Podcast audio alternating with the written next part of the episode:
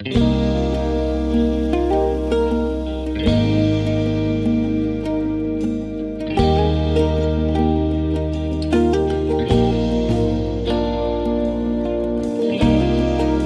chlebem živ je člověk.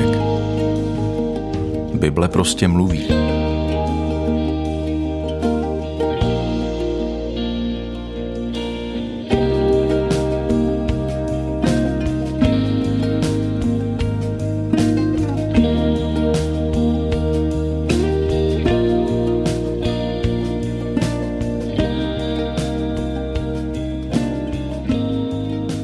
Vítám vás při poslechu nových dílů pořadu Nejen chlebem.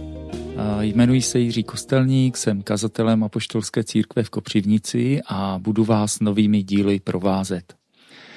Možná jste si někteří všimli, že název pořadu vychází z biblického výroku Nejen chlebem bude živ člověk, ale každým slovem vycházejícím z božích úst. To naznačuje, že se tady budeme cítit jiným životodárným zdrojem a tím je právě Boží slovo, Bible. Ale než se vůbec dostaneme k pochopení toho, že Bible je Boží kniha a než ji skutečně otevřeme, chtěl bych vás dnes uvést do celé letošní série více než 50 dílů tohoto pořadu. Mým záměrem bude postupně projít celý velký biblický příběh světa, a to zvláště Starý zákon, a ukázat, jak klíčové události tohoto příběhu, který Bible zaznamenala dávno předtím, než jsme přišli na svět, právě dnes určují náš život. A to dokonce nehledě na to, zda jsme věřící nebo nevěřící. Já osobně pocházím z úplně nevěřícího prostředí. Uvěřil jsem někdy před 30 lety a pamatuji si, že když jsem Bibli poprvé v životě otevřel, tak tím největším překvapením pro mě bylo právě to, že Bible je příběh. Já jsem si původně myslel, že Bible je sbírkou náboženských pravidel, zákazů a příkazů. Jednu chvíli jsem si dokonce myslel, že je to ta černá knížka, ze které se zpívalo, když jsem jednou nahlédl do kostela. A tak myslím, že i pro někoho z vás může být ten velký příběh z Bible zvláště to, jak pokračuje v naší době a v našich životech také překvapením. Vzpomínám si, jak někdo hezky řekl, že snaha porozumět vlastnímu životu v tomto světě se podobá situaci, kdy přijdete do kina 50 minut po začátku filmu, posadíte se, koukáte na plátno a snažíte se pochopit, o čem to celé je. A protože vám chybí těch prvních 50 minut, Vůbec to není snadné. Teprve, když se k vám někdo nakloní a aspoň z části vám povypráví předchozí děj, začne vám současný okamžik na plátně dávat smysl. Podobné to je s křesťanskou vírou. Není to slepá dogmatická víra založená na teologických výrocích o Bohu, o světě, o člověku. Není to ani sada pravidel a životních principů, Křesťanská víra ve skutečnosti začíná vyprávěním příběhu. Víra se rodí jako reakce posluchače, který naslouchá biblickému příběhu světa a rozhodne se v tom příběhu postavit na správnou stranu. Po boku hlavního hrdiny Ježíše Krista. Ale to trochu předbíhám. V roce 2022 se odehrál zajímavý případ, kdy rodiče po 50 letech pátrání nalezli svou unesenou dceru. Jmenovala se Melisa a protože byla unesená, když jí byl rok a tři čtvrtě, celý život nic nevěděla. Únosce ji tehdy prodal bezdětným lidem, ti byli součástí zločinu a proto ani nemohli být dobrými rodiči, a pak celý život Melisy byl dost komplikovaný a nešťastný. Její vlastní rodina po ní nikdy nepřestala pátrat, až ji díky testům DNA nalezla v roce 2022 před Vánoci. Dneska více než 50 letá Melisa říká, konečně mám mámu a tátu, kteří mě chtějí. Celý život nevěděla, kým je, ani že patří někam jinam, dokud se nedozvěděla část vlastního příběhu, který předtím vůbec neznala. Něco velmi podobného pro nás dělá právě biblické vyprávění. Nalezáme v něm podobné skutečnosti, jaké nalezla Melisa po 50 letech. Nalezáme v něm odpovědi, které doplňují skládačku, o čem je náš život, proč je svět takový, jaký je a kde v tom všem je naše doma. Proto bývá Bible čtenářům často jaksi povědomá, protože tato kniha zachycuje mnohé věci, které má lidstvo společné. Vlastně zaznamenává jakousi základní lidskou zkušenost. Nás na střední škole učili, že základní otázkou života, kterou si lidé od nepaměti kladou, je ta známá otázka quo vadis, tedy kam jdeš, respektive odkud jsme a kam jdeme. Pokud to tak je, pak na základní otázky života může právě nejlépe odpovědět příběh. Odkud jsme a kam jdeme.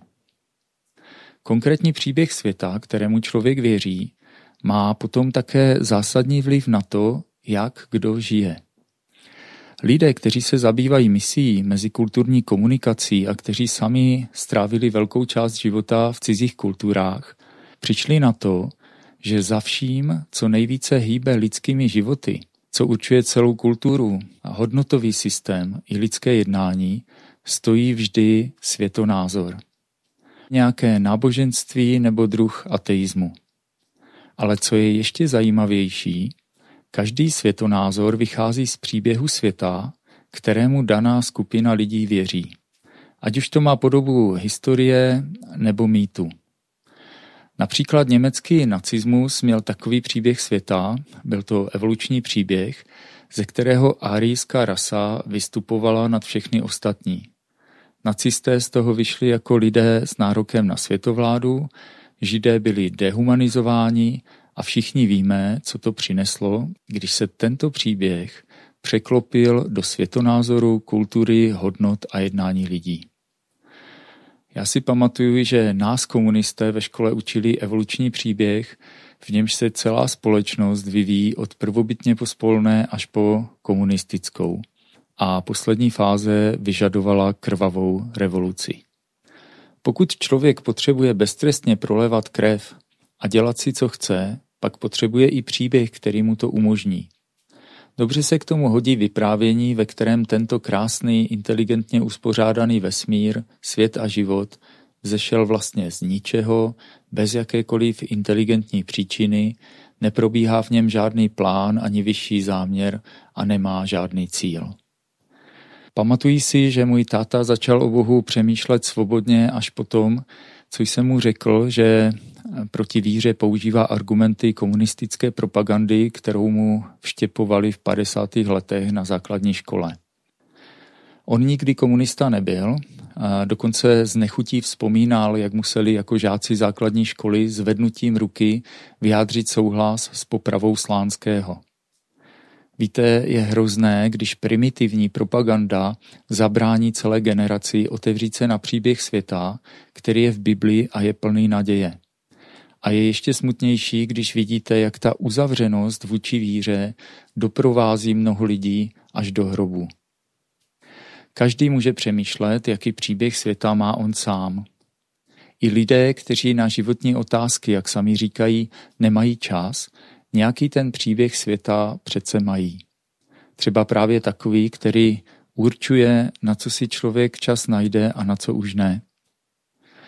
Bible říká, že život člověka bez věčné naděje vede k jediné věci, která mu ještě dává smysl. Jezme, pijme, neboť zítra zemřeme. My v tomto pořadu budeme mít naopak příležitost otevřít skutečně smysluplný příběh světa, ve kterém nechybí naděje. A budeme v tom příběhu sledovat, jak se propisuje do životních hodnot a jednání věřícího člověka tak, že jeho život se také stává smysluplným příběhem. Navíc příběhem po boku někoho, kdo je v tom příběhu od počátku až na věčnost přítomný. Mluvím právě o osobě, o které v Novém zákoně čteme z něho, skrze něho a pro něho je všechno. Tou tajemnou postavou je Boží syn, který přišel jako člověk Ježíš, zvaný Kristus. Jehož příběh nezačíná v Novém zákoně před dvěmi tisíci lety, ale začíná dávno předtím. Víte, dnes nás rychlá netrpělivá doba tlačí ke snaze sdělovat velké věci v krátkých heslech. Křesťanská víra v pár větách, evangelium ve dvou minutách. Obávám se, že sdílet tu osobu, kterou je Ježíš Kristus, bez předešlého příběhu, je podobné, jako byste někomu dali utrženou květinu. Dělá se to, je to krásné, ale všichni víme, že velice brzy kytka zvadne.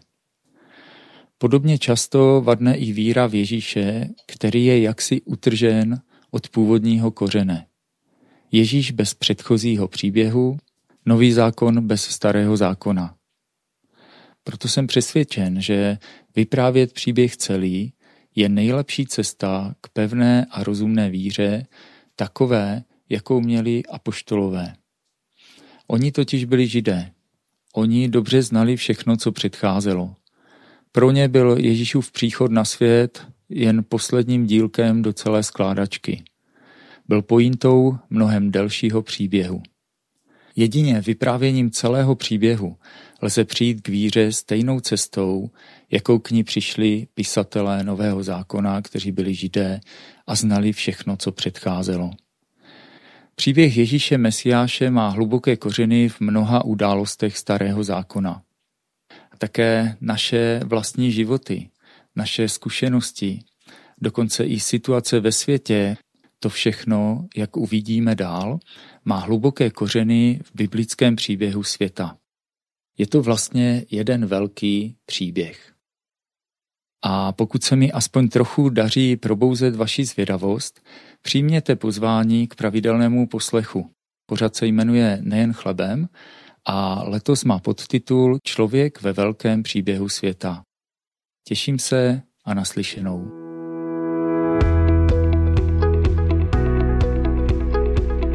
Podcast vznikl na Rádiu 7, které žije z darů posluchačů. Pokud nás budete chtít podpořit, budeme rádi.